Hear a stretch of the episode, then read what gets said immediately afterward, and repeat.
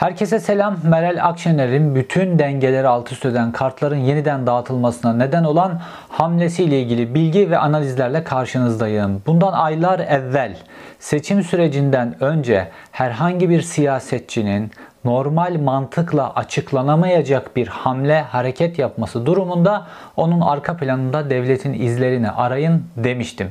Bu durum Meral Akşener'in yaptığı bu hamle altılı masayı darmadağın etmesi ya da kendisini altılı masadan ayırması devletin bir hamlesi miydi yoksa bu durum bir istisna mı? Meral Akşener açısından bunun arkasında yatan nedenler var mı? Bunların hepsini analiz edeceğim. Ankara kulislerinde, İyi Parti içerisinde, CHP içerisinden akan bilgilerle yine bilgi dolu, yine dop dolu bir video ile karşınızdayım.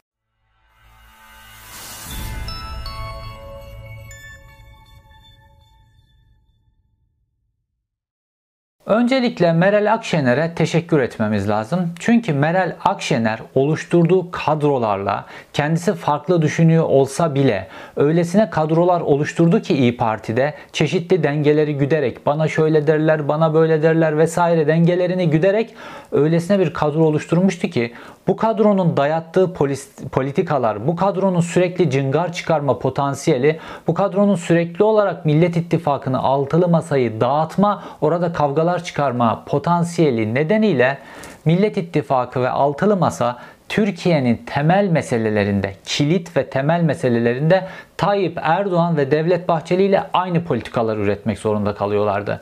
Çünkü İyi Parti'nin yönetim kadrosu Tayyip Erdoğan ve Devlet Bahçeli ile Türkiye'nin temel meselelerinde demokratikleşme, Avrupa Birliği, Kürt meselesi, KK'lılar meselesi bunların hepsinde Tayyip Erdoğan ve Devlet Bahçeli ile aynı düşünen insanlardan oluşuyor İyi Parti. Bakın İyi Parti'nin tabanı çok farklı insanlardan oluşuyor. Fakat İyi Parti'nin yönetim kadrosunun %95'ini Meral Akşener bana şöyle derler, böyle derler dengeleriyle dengeler güde güde güde tamamen böyle neredeyse MHP ve AKP'nin kopyası isimlerden oluşturdu. Ve bu isimler Millet İttifakı'nı belli bir noktada tutuyorlardı. Ve günün sonunda Türkiye'nin temel meselelerinin hepsinde Cumhur İttifakı ile Millet İttifakı'nın söylemlerinin arasında ve eylemlerinin arasında hiçbir fark kalmamıştı.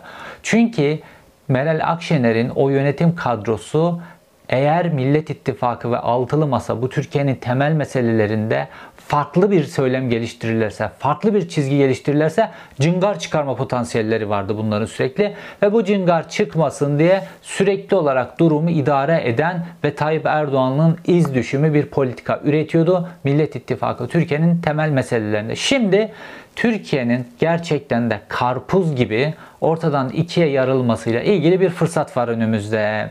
Eğer Kemal Kılıçdaroğlu ve şu an kalan beşli masa gerçekten Türkiye'nin temel meseleleri Avrupa Birliği, demokratikleşme, Kürt sorunu, KK'lılar meselesi bunlar da gerçekten kimseyi öcü gibi görmeden ve çağı okuyacak, çağa uygun politikalar geliştirip son iki ayda hiç olmazsa bu söylemleri cesurca artık İyi Parti gibi ayaklarını bağlayan, İyi Parti kadroları gibi ayaklarını bağlayan bir durum yok.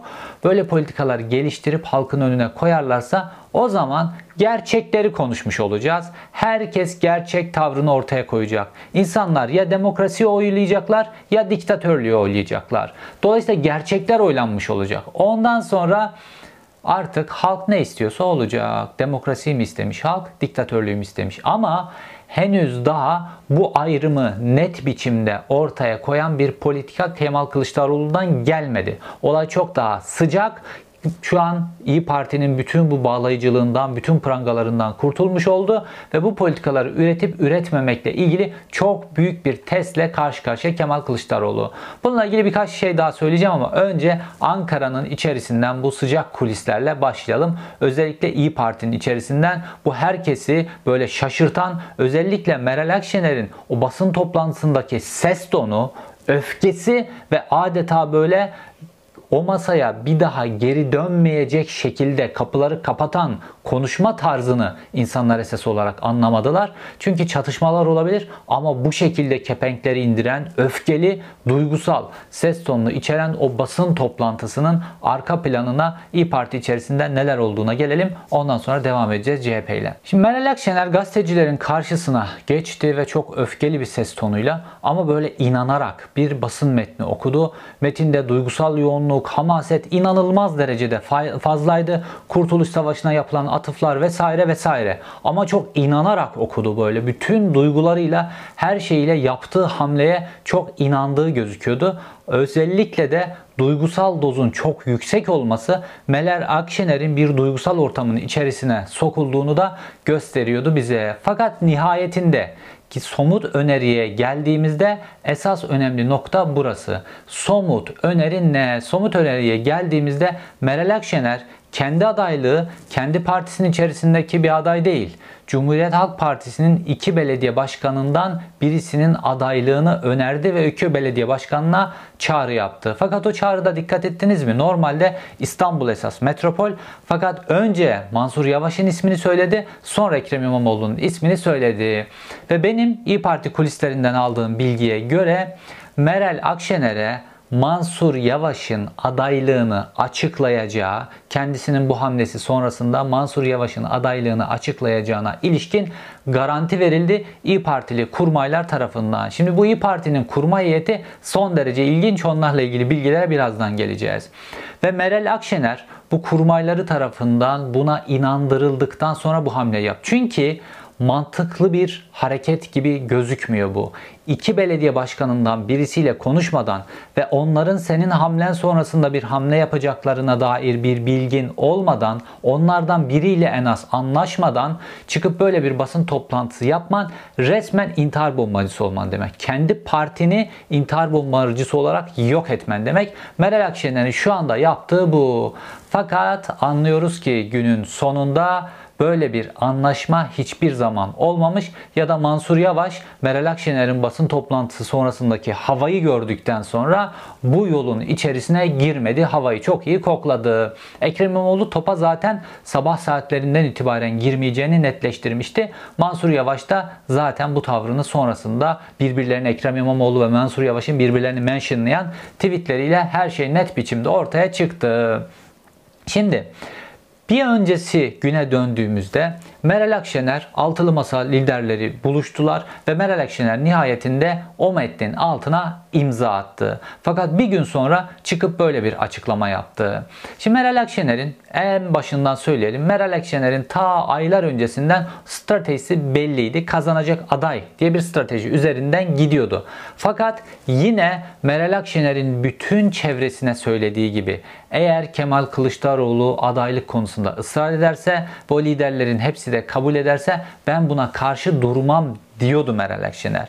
Fakat o gece bir şeyler değişti. İşte bu değişmenin içerisinde işte derin devletle ilgili pek çok şey söyleniyor ya da Meral Akşener'in duygusal durumu ile ilgili pek çok şeyler söyleniyor. Bunların ikisi de etkili olabilir. Şimdi derin devlet meselesinde şöyle enteresan bir durum var Meral Akşener'le ilgili. Şimdi normalde Meral Akşener'in böyle söylenenlerin aksine Mehmet Ağar'la arasının çok kötü olduğunu biliyorum. Özellikle Meral Akşener o meşhur Tansu Çiller döneminde 6 ay, beled- 6 ay İçişleri Bakanlığı yaptı ya. O 6 ay İçişleri Bakanlığı boyunca Meral Akşener Mehmet Ağar'ın kadrolarını İçişleri Bakanlığı'ndan kazımakla geçirdi neredeyse o 6 ayı.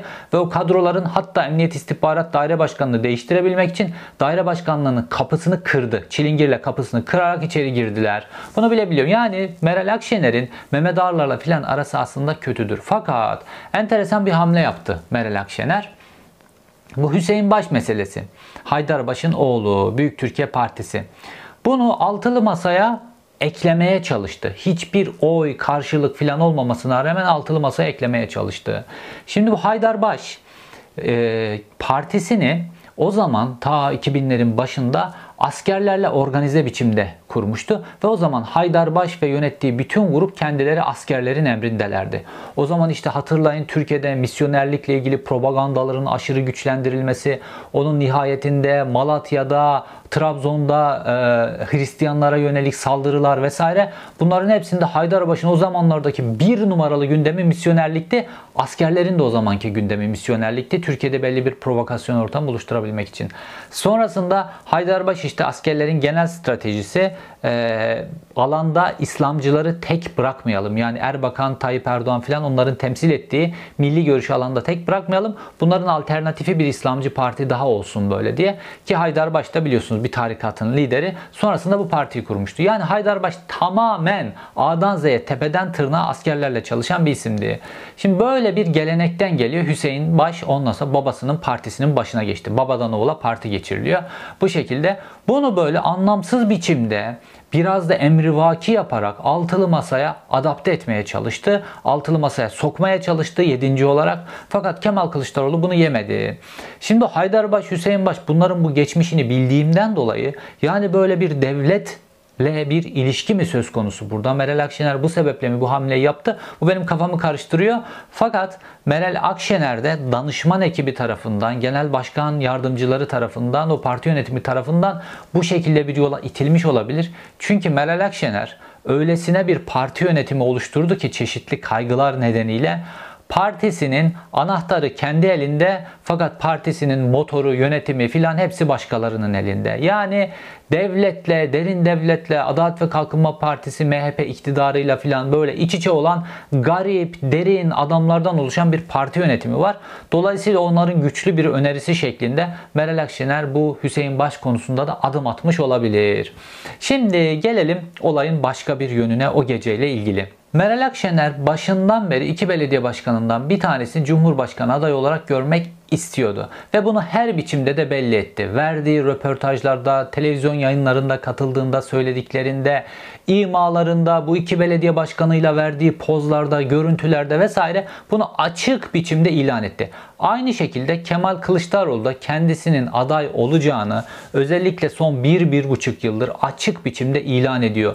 Gitti işte bazı devlet kurumlarını bastı, videolar çekiyor sürekli, seçim çalışmaları ile ilgili harcadığı bütçeler, oluşturulan söylemler filan baktığımızda Kılıçdaroğlu açıkça ben aday olacağım diyordu. Meral Akşener de açıkça bu iki isimden bir tanesi aday olsun istiyordu. Bunun ikisinin de arka planında tamamen siyasi hesaplar var. Böyle Türkiye ile ilgili meseleler filan yok yani. Nihayetinde bu iki figür de siyasetçi. Meral Akşener şunu istiyordu. Bu iki adaydan bir tanesini bütün bu süreç boyunca ben bu iki aday üzerine bir strateji oluşturur ve bu iki adaydan bir tanesini, iki belediye başkanından bir tanesini e, adaylığını realize edersem Dolayısıyla bu kişi benim sayemde bu adaylığı kazanmış olacak. Dolayısıyla bana muhtaç, bana borçlu, bana minnet borcu olan ve bana dayanan bir lider olacak.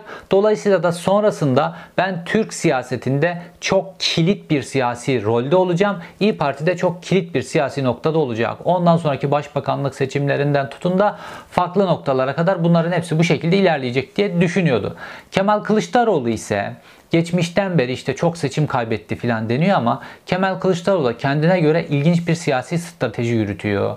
Bugüne kadarki Cumhurbaşkanlığı seçimlerinin tamamında Kemal Kılıçdaroğlu Tayyip Erdoğan'ın siyasi ömrünün tamamlanmadığını düşünüyordu ve dolayısıyla da bu seçimlere öyle çok da asılmadı. Ne kendi Tayyip Erdoğan'ın karşısına çıktı ne de Tayyip Erdoğan'ın karşısında hakikaten kazanabilecek bir aday olduğunu düşünüyordu. İşte Ekrem e, Ekmelettin İhsanoğlu fiyaskoları, Muharrem İnce fiyaskoları filan bunların hepsi Kemal Kılıçdaroğlu bu seçimin kazanılacağına, Tayyip Erdoğan'ın siyasi ömrünü tamamladığına inanmadığı için de bu tip stratejiler geliştirdi.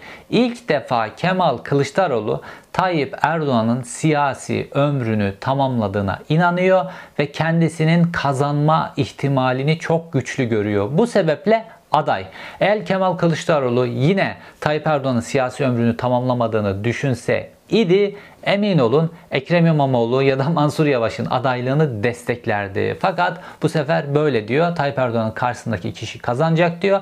Ve o kişi de kendisi bu kadar emeği var artık siyasi hayatının sonuna geliyor. O kişi de ben olmalıyım diyor. Siyaset böyle bir şey yani. Girdiniz mi bir kere bu çarkın içerisine sürekli olarak yükselmek, yükselmek, yükselmek en tepeye doğru bu siyasetin doğasında var.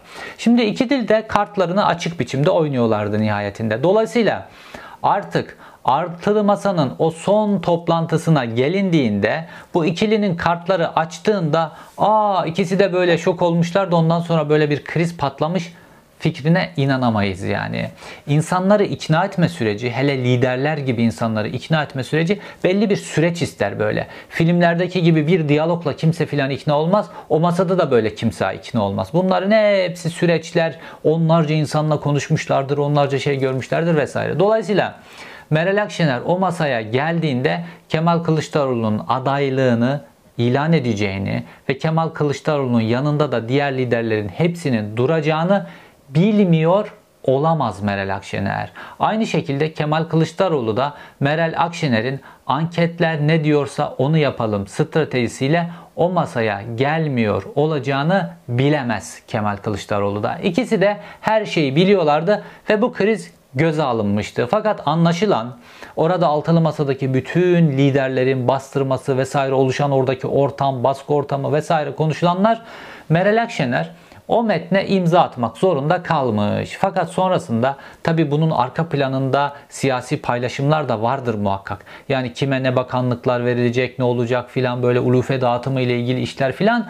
Bunlar da tabii ki bir strateji çerçevesinde olmuştur. Kemal Kılıçdaroğlu bunlarla ilgili o liderlerle görüşmüştür ve onları ulufe dağıtmıştır filan. Ama Meral Akşener de bu vaatlerde bulunmuştur. Yani biri bulundu da diğeri bulunmadı diye bir şey yok. Siyasetin doğasının içerisindeki olan şeyler. Ve nihayetinde bu liderlerin hepsi Kemal Kılıçdaroğlu'nun arkasında durdular ve Meral Akşener orada yalnız kalmasına rağmen o imzayı attı. Fakat sonrasında Meral Akşener partinin içerisine döndüğünde işte o kurtlar sofrası onun partisi böyle ne kadar karanlık, derin, kirli filan adam varsa partinin yönetim kadrosunun %95'ini bunlar oluşturuyor. Sonrasında Meral Akşener bu duygusal psikolojiyle oraya geldiğinde ondan sonra işte ortaya o böyle duygusal ve duygusal yoğunlukla böyle söylenmiş böyle çok inanarak söylenmiş basın toplantısı çıkıyor. Yani orada artık bütün devletin adamları ve İyi Parti'nin içerisinde dizilmiş durumdalar ve bu devletin adamları isterse altılı masa yıkılsın, isterse bu seçimler kaybedilsin, oradaki o devletin adamları asla ve asla Alevi, Kürt bir ismin aday olması hele de kazanacak bir düzlemde aday olmasına evet demezler. Meral Akşener'in şunu net olarak biliyorum. Defalarca kendisine yakın insanlara söylediği şey şu. Eğer o liderlerin hepsi Kemal Kılıçdaroğlu'nun arkasında onun adaylığını realize etmek için bir ortak karar alırlarsa ben bunun karşısında durmam demişliği var. Fakat ortam öyle bir noktaya geldi ki Meral Akşener artık bu kararını değiştirmek ya da bu tutumun arkasında duramaz noktada geldi. Orada bir liderlik göstermesi gerekiyordu. Belki de o genel idare kurulu toplantısında eğer bu karar çıkmasaydı İyi Parti'den bir anda onlarca istifanın yaşandığı belki de bir süreç olacaktı. Belki böyle restler çekildi filan. Ve nihayetinde Meral Akşener o duygusal ortamın etkisiyle bütün o kurtların partisindeki kurtların da böyle kendisinin o duygusallığını böyle provoke etmesiyle iyice öyle bir atmosferin içerisine girmiş ki böyle normalde bu kadar siyasi kurt olan birisi böyle siyasetin tezgahlarından geçmiş, Tansu Çillerlerle çarpışmış, Mehmet Ağarlarla çarpışmış, Devlet Bahçeli ile çarpışmış filan birisi nihayetinde şu an inanılmaz biçimde pişman olacağı bir hamle yaptı. Fakat dediğim gibi bu hamlenin hepsinin arka planında Meral Akşener'e İyi Parti kurmaylarının biz Mansur Yavaş'la görüştük. Eğer bu hamleyi yaparsan Mansur Yavaş da bu hamleyi yapacak taahhüdü var. Fakat bunların hepsinin bunların o devletin o adamları var ya sıralanan böyle İyi Parti'nin içerisinde bunların hepsinin bir strateji biçiminde bir stratejiyle hareket ettiklerini ve bu taahhüdün filan da gerek gerçek olmadığını düşünüyorum. Ben yani Mansur Yavaş'ın son anda bir satmasından ziyade bu taahhüdün ben hiçbir biçimde gerçek olmadığını düşünüyorum. Şimdi gelelim olayın biraz Kılıçdaroğlu boyutuna doğru. Şimdi bu Meral Akşener suçlu. Herkes Meral Akşener'i suçluyor ama Kılıçdaroğlu suçsuz mu? Bunun üzerine de durmamız gerekiyor. Çünkü olayların bu noktaya gelmesinde Kılıçdaroğlu da Meral Akşener gibi çeşitli suçlar işlemiş oldu siyaseten. Şimdi Kılıçdaroğlu en başında ikna etmesi gereken ve Meral Akşener'e de bu kararını çok net biçimde söyleyip partisini buna hazırlaması, ona göre partisindeki değişimleri filan yaptırmak zorunda olan kişiydi. Çünkü baktığımızda altılı masada CHP'den sonra şu an İyi Parti'nin çekildiğini düşünüyoruz. CHP'den sonra en çok oy olan partinin oy oranı %1. Yani arada inanılmaz fark var. Bu partiler yani masada 5 tane lider var ama bir tanesinin oyu %23'lerde, %24'lerde CHP'nin diğerlerinin oyları 1 ve 1'in altı vaziyetinde. Dolayısıyla altılı masa aslında öyle oy oranlarıyla ilgili değerlendirdiğimizde çok kuvvetli bir masa değil. Ancak HDP'nin desteğiyle bir şeyler oluyor. O da masada değil. E şimdi böyle bir ortada, ortamda %12'lerde, %15'lerde oyu olan bir İyi Parti masanın dışına atacak sonuçlar doğuracak hamleler yapamazsınız. Bir biçimde İyi Parti'yi masada tutması gerekiyordu Kemal Kılıçdaroğlu. Fakat Kılıçdaroğlu önce herkesten önce Meral Akşener'le konuşup kendi adaylığı konusunda Meral Akşener'i ikna edip Meral Akşener'le beraber İyi Parti'de bu Meral Akşener'in aklını dağıtacak ya da İyi Parti'yi parçalayacak biçimde hamleler yapacak Kılıçdaroğlu'nun adaylığı açıklandığında bu kadar kadroların tasfiye edilmesiyle ilgili süreci birlikte yürütmediler. Konuşmadılar, konuşmadılar, açık açık konuşmadılar ve nihayetinde olay açık konuşulan gecede patlamış oldu. Ve baktığımızda o toplantı gecesi de Kılıçdaroğlu inanılmaz bir hata yapıyor. Şimdi Kılıçdaroğlu genel strateji şu şekilde izlemiş. Meral Akşener'in bu işte partideki dengeler vesaire nedeniyle bir yerde satabileceğine ilişkin ya da İyi Parti'nin aslında satabileceğine ilişkin CHP'lilerin hangisine sorsanız aylardır bunu söylüyorlardı. Hatta enteresan biçimde Tayyip Erdoğan da böyle iki yıldır filan devam ettirdi. Böyle parti içerisinde MYK'larda filan söyledi. Ya bunlar eninde sonunda bir yerde kavga edecek konusuna bir inancı vardı. Bunu bir bilgiye, bir stratejiye, bir şeye dayalı mı yapıyor? Bununla ilgili bir şeyler çalışıyor muydu filan? Bunu bilmiyorum. Bu da olabilir. Ya da Tayyip Erdoğan bu işte benzemezliklerin filan bu altılı masadaki benzemezliklerin nihayetinde bir noktada patlayacağına ilişkin tecrübeli bir siyasetçi olarak öngörüde mi bulunuyordu? Bunu bilmiyorum. Fakat nihayetinde bu oldu. Fakat Kemal Kılıçdaroğlu'nun stratejisi Meral Akşener'i kuşatma üzerine olmuş. Yani diğer liderlerin hepsini ikna etmiş, tam olarak %100 ikna etmiş. Orada Meral Akşener'i de kuşatıyorlar orada. Ve nihayetinde Meral Akşener bu kuşatmaya bir biçimde boyun eğiyor ve o, o gece o mutabakat metnine imzayı attı. Fakat bu kuşatmayı eğer hani böyle Türkiye'nin de böyle Türklerin tarihinde böyle bu kuşatma, hilal taktiği falan böyle çok meşhurdur. Kuşatmayı hiçbir biçimde yardırmaman lazımdı. Yani o toplantıda adayımız Kemal Kılıçdaroğlu dur diye o mütabakat metninin içerisine de yazdırılıp Meral Akşener'e imzalattırılıp onun deklare edilmesi lazımdı. Fakat o gece kuşatmanın yarılmasına izin verdiler. Meral Akşener o toplantıda bu imzayı atmamış o Kemal Kılıçdaroğlu'nun adının altına imza atmamış olarak çıktı. Kuşatma yarıldıktan sonra İyi Parti Genel Merkezi'ne gitti. Orası da zaten kurtlar sofrası. Ondan sonra Meral Akşener bu imzanın da hilafına çıktı. Çok sert bir basın toplantısı yaptı ve kuşatma yarılmış oldu Meral Akşener açısından. Fakat bu Millet İttifakı masasının tamamına ve bu seçimlere inanılmaz bir zarar verdi. Bunun tahribatını kabul etmek durumundayız. Şu an herkes böyle Meral Akşener'e inanılmaz sert şeyler yazıyor. Özellikle Twitter'da sert şeyler yazıyorlar ve CHP'liler özellikle çok sert şeyler yazıyorlar. Fakat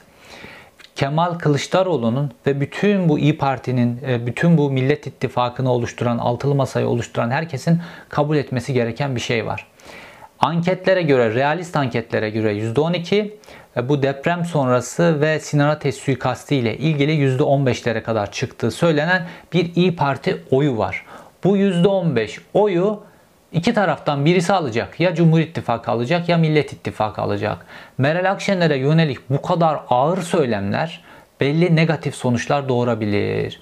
Şimdi bu oyun en azından 3'te 2'sinin yani böyle %10'lara varan oranının Millet İttifakı'nın tarafında ve Kemal Kılıçdaroğlu'na oy verecek şekilde tutulabilmesi için Meral Akşener'e yönelik bu ağır söylemlerden, ondan sonra takılan lakaplardan, ondan sonra olmayan ilişkiler üretmelerden filan bunlardan vazgeçilmesi lazım. Yoluna bakması lazım. Pozitif söylem üretip yoluna bakması lazım.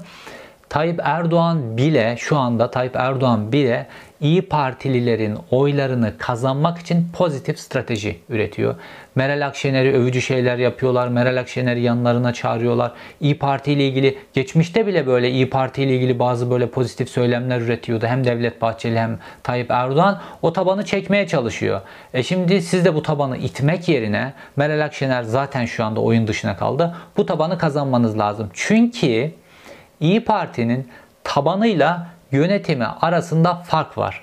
İyi Parti'ye oy verenlerin pek çoğu farklı partilerden, MHP'den, bir kısmı CHP'den, bir kısmı Adalet ve Kalkınma Partisi'nden böyle farklı partilerden akıp gelip temel özellikleri de Tayyip Erdoğan karşıtlığı üzerine kurulmuş insanlar. Bunları yeniden bu tip söylemlerle Tayyip Erdoğan'ın kucağına itmemek lazım. İyi Parti'nin yönetimi tamamen farklı. Bu insanlardan farklı olarak İyi Parti'nin yönetimindeki Meral Akşener hariç bütün o kurmay kadrosunun %95'i dünden bugüne devletin adamı olan insanlar. Şu an çeşitli böyle bireysel şeylerle ya da vazifeli olarak İyi Parti'ye gelmiş durumdalar ve böyle bir kakafoni oluşturuyorlar orada. Dolayısıyla bu stratejiyi doğru kurması lazım Kemal Kılıçdaroğlu. Kemal Kılıçdaroğlu'nun şu ana kadar yapamadığı meselelerden bir tanesi bu. Ve en önemli hatası da Kemal Kılıçdaroğlu'nun adaylığıyla ilgili meselede çok açık olmaması. Bütün söylemini, bütün stratejisini, bütün hamlelerini kendi adaylığı üzerine kurdu. Kemal Kılıçdaroğlu işte videolar çekti, kısa videolar, çeşitli yerlere baskınlar, düzenlemeler vesaire vesaire. Böyle değişik bir lider profili çizmeye başladı. Fakat en önemli adayın kendisi olduğuna ilişkin açık açık bir biçimde konuşmadı. Yani demedi ki ben Cumhurbaşkanlığı adayıyım ve yeri geldiğinde altılı masaya da bunu getireceğim. Altılı masanın tabii ki ondan sonra kararına saygı duyuyorum. Fakat ben adayım. Bunu açık biçimde söylemedi. Meral Akşener ben aday değilim diye açık biçimde söyledi ve ortaya şöyle bir tablo çıktı şu anda. Tartışmalara bakın şöyle bir tablo var şu an ortada. Meral Akşener kendi şahsi siyasi ikbali peşinde koşan birisi değil. Çünkü ben aday değilim demişti. İki CHP'li hatta iki belediye başkanından birisini aday yapmak istiyor. Çünkü bu seçimin kazanılmasını istiyor Meral Akşener. Söylem bu şekilde. Ama Kılıçdaroğlu tarafına baktığımızda oluşan görüntü şu şekilde.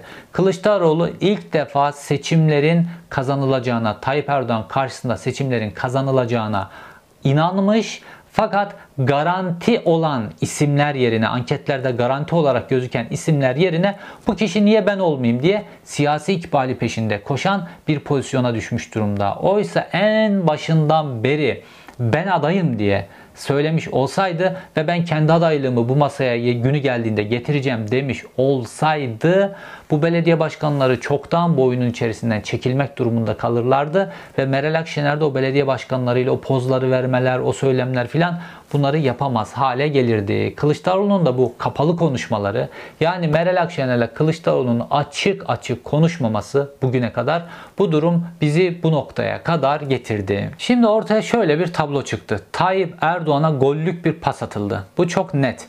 Ve Tayyip Erdoğan'a bu gollük pasın atılmasında Meral Akşener ne kadar suçluysa az önce söylediğim sebepler nedeniyle Kılıçdaroğlu da o kadar suçlu. Çünkü İyi Parti'nin oy oranları eriyecek artık. İyi Parti'nin oy oranları Meral Akşener'in bu hamlesinden sonra bir kısmı CHP'ye gidecek, bir kısmı Adalet ve Kalkınma Partisi'ne gidecek, bir kısmı da Millet İttifakı'nın diğer partiler içerisinde işte Deva Partisi vesaire bu şekilde dağılacak. Fakat bu nasıl bir tablo ortaya çıkarıyor biliyor musunuz?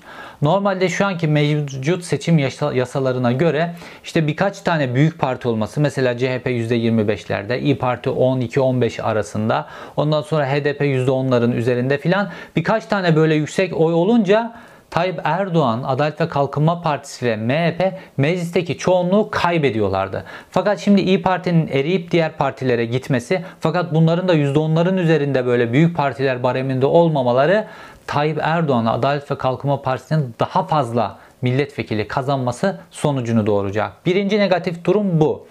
İkincisi Millet İttifakı çok dağınık bir tablo ortaya çıkardı şu an ve ülkeyi yönetip yönetmemekle ilgili insanların zihninde bir soru işareti oluştu. Şimdi deprem olmuş. Zaten ekonomik kriz var. Tayyip Erdoğan'ın yaşlılığı, yıllardır işte ülkeyi doğru düzgün yönetememesi vesaire pek çok kaotik durum var. Fakat bu kaotik durumu kendi içerisindeki kaosu daha çözememiş insanlar nasıl yöneteceklerle ilgili insanların zihninde şu an bir soru işareti oluştu. Bunu Kılıçdaroğlu'nun da Millet İttifakı'nı oluşturan herkesin de kabul etmesi lazım. Dolayısıyla Kılıçdaroğlu'nun şu andan itibaren birinci olarak İyi Parti'nin tabanını kazanacak. İkinci olarak artık o İyi Parti yönetiminin kendisini bağlayan o prangalarının kırıldığı için artık gerçekten Erdoğan rejiminin karşısında bir söylem üretmesi lazım. Yani gerçekten muhalefet yapmaları lazım. Artık böyle HDP'yi dışlayan, demokratikleşmeyi dışlayan, Türkiye'nin temel problemlerinin hepsinde neredeyse Tayyip Erdoğan'la aynı böyle söylemler üreten, özellikle kilit dış politika, iç politika meselelerinde bundan vazgeçmemeleri lazım. Artık Kemal Kılıçdaroğlu'nun Erdoğan rejimini onun söylemini, politikasını, ağzını, onun kelimelerini hepsini toptan reddeden gerçek bir politika üretmesi lazım. Halkın karşısına gerçekten demokrat, gerçekten Avrupa Birliği vizyonuna dayalı, hiç kimseyi dışlamayan bir söylemle çıkması lazım Kılıçdaroğlu. Bu söylemi inşa edemezlerse, bu söylemle ülkeyi Tayyip Erdoğan'dan daha iyi yöneteceklerine dair insanları ikna edemezlerse o zaman insanlar beterin beteri olmasın diye tekrar Tayyip Erdoğan'ı tercih ederler. Aynısı oldu bakın. Bunun aynısını 2015 yılında yaşadık. İnsanlar 2015 yılında Haziran seçimlerinde Tayyip Erdoğan'ı tek başına iktidar olmaktan indirdiler Adalet ve Kalkınma Partisi'ne. Ve seçmen verdiği mesajla şunu söyledi. Adalet ve Kalkınma Partisi'ne belli bir oy verdim. CHP'ye belli bir oy verdim. Koalisyon kurun ve ülkeyi yönetin. O ülke bu gerilimden kurtulsun. Bir koalisyonla ben gerilim istemiyorum mesajı verdi seçmen. Fakat CHP ya da o dönem işte Ahmet Davutoğlu e, Adalet ve Kalkınma Partisi'nin başındaydı. Fiilen tabii Tayyip Erdoğan başındaydı da Cumhurbaşkanı olarak. Sonuçta bu koalisyonu kurmadılar ve insanlar ne yaptılar? 1 Kasım 2015 seçimde birkaç ay sonra beterin beteri durum oluşmasın diye Tayyip Erdoğan'ın çıkardığı kaosun da neticesinde gidip %49 oy Tayyip Erdoğan'a verdiler. Şimdi de kaotik bir ortam oluştu. Meral Akşener'in bu hamlesi sonrasında insanlara ortamın kaotik olmadığını hatta bunun hayra vesile olduğunu çünkü karşılarına gerçek bir politik söylem Erdoğan'ı ve Erdoğanizmi toptan reddeden bir söylemle çıkma fırsatı verdi diye insanların karşısına çıkıp bu ülkeyi daha iyi yöneteceklerine şu iki ay içerisinde insanları ikna etmeleri lazım. Aksi takdirde insanlar beterin beteri olmasın diye yine gidip Tayyip Erdoğan'a oy verirler. İlk defa ve gerçekten Kemal Kılıçdaroğlu'nun karşısında bir liderlik sınavı var. Kemal Kılıçdaroğlu kendisinin aday olacağı durumu oluşturdu. Bunu da kabul etmemiz lazım. Kemal Kılıçdaroğlu Ekrem İmamoğlu'nun işte o siyasi yasağa gelmesiyle ilgili süreçte gerilimi yükseltip de Ekrem İmamoğlu'na siyasi yasak gelmemesi için toplumsal zemin oluşturmadı. Hatta Ekrem İmamoğlu'nun o davası öncesinde işte Almanya ziyaretini öne çekerek Ekrem İmamoğlu'nun o davasının olduğu gün Almanya'da bulundu. Sonrasında geldiğinde Ekrem İmamoğlu'nun bu mağduriyetini iyi kullanmadı. Unutturdu hatta o mağduriyeti. Yani Kemal Kılıçdaroğlu da siyasi hamleleriyle bu iki e, belediye başkanını da düşük profil tutmaya çalışarak kendisinin tek aday olması için bütün taşları döşedi Kemal Kılıçdaroğlu'nun. Siyasetçi olarak bunu yapar. Buna bir şey demiyorum ama bunu kabul etmemiz lazım. Kemal Kılıçdaroğlu da kendi siyasi ikbalini de düşünerek ilk defa kazanacağına inanarak Ekrem İmamoğlu'na ve Mansur Yavaş'ı çok güzel ufak ufak yedi. Nihayetinde kendisini tek aday olarak bıraktı. E Tayyip Erdoğan da bunu istiyor zaten. Ekrem İmamoğlu'na getiren siyasi yasak filan. Tayyip Erdoğan da kendisinin karşısında Kemal Kılıçdaroğlu'nu görmek istiyor. Bu da net. Tamam bu oldu. Bu olduktan sonra artık bu seçimi kazanman gerekiyor. Bu seçimi kazanacak söylem de az önce dile getirdiğim söylem. Artık İyi Parti'nin yönetim kadrolarının oluşturduğu prangalar yok. Erdoğan'ı, Erdoğanizmi, bütün bu yıllardır oluşturan söylemin hepsini çöpe atmaları lazım ve gerçek bir vizyonla bu iki ayda kamuoyunun önüne çıkmaları lazım. İzlediğiniz için teşekkür ederim. Bir sonraki videoda görüşmek üzere.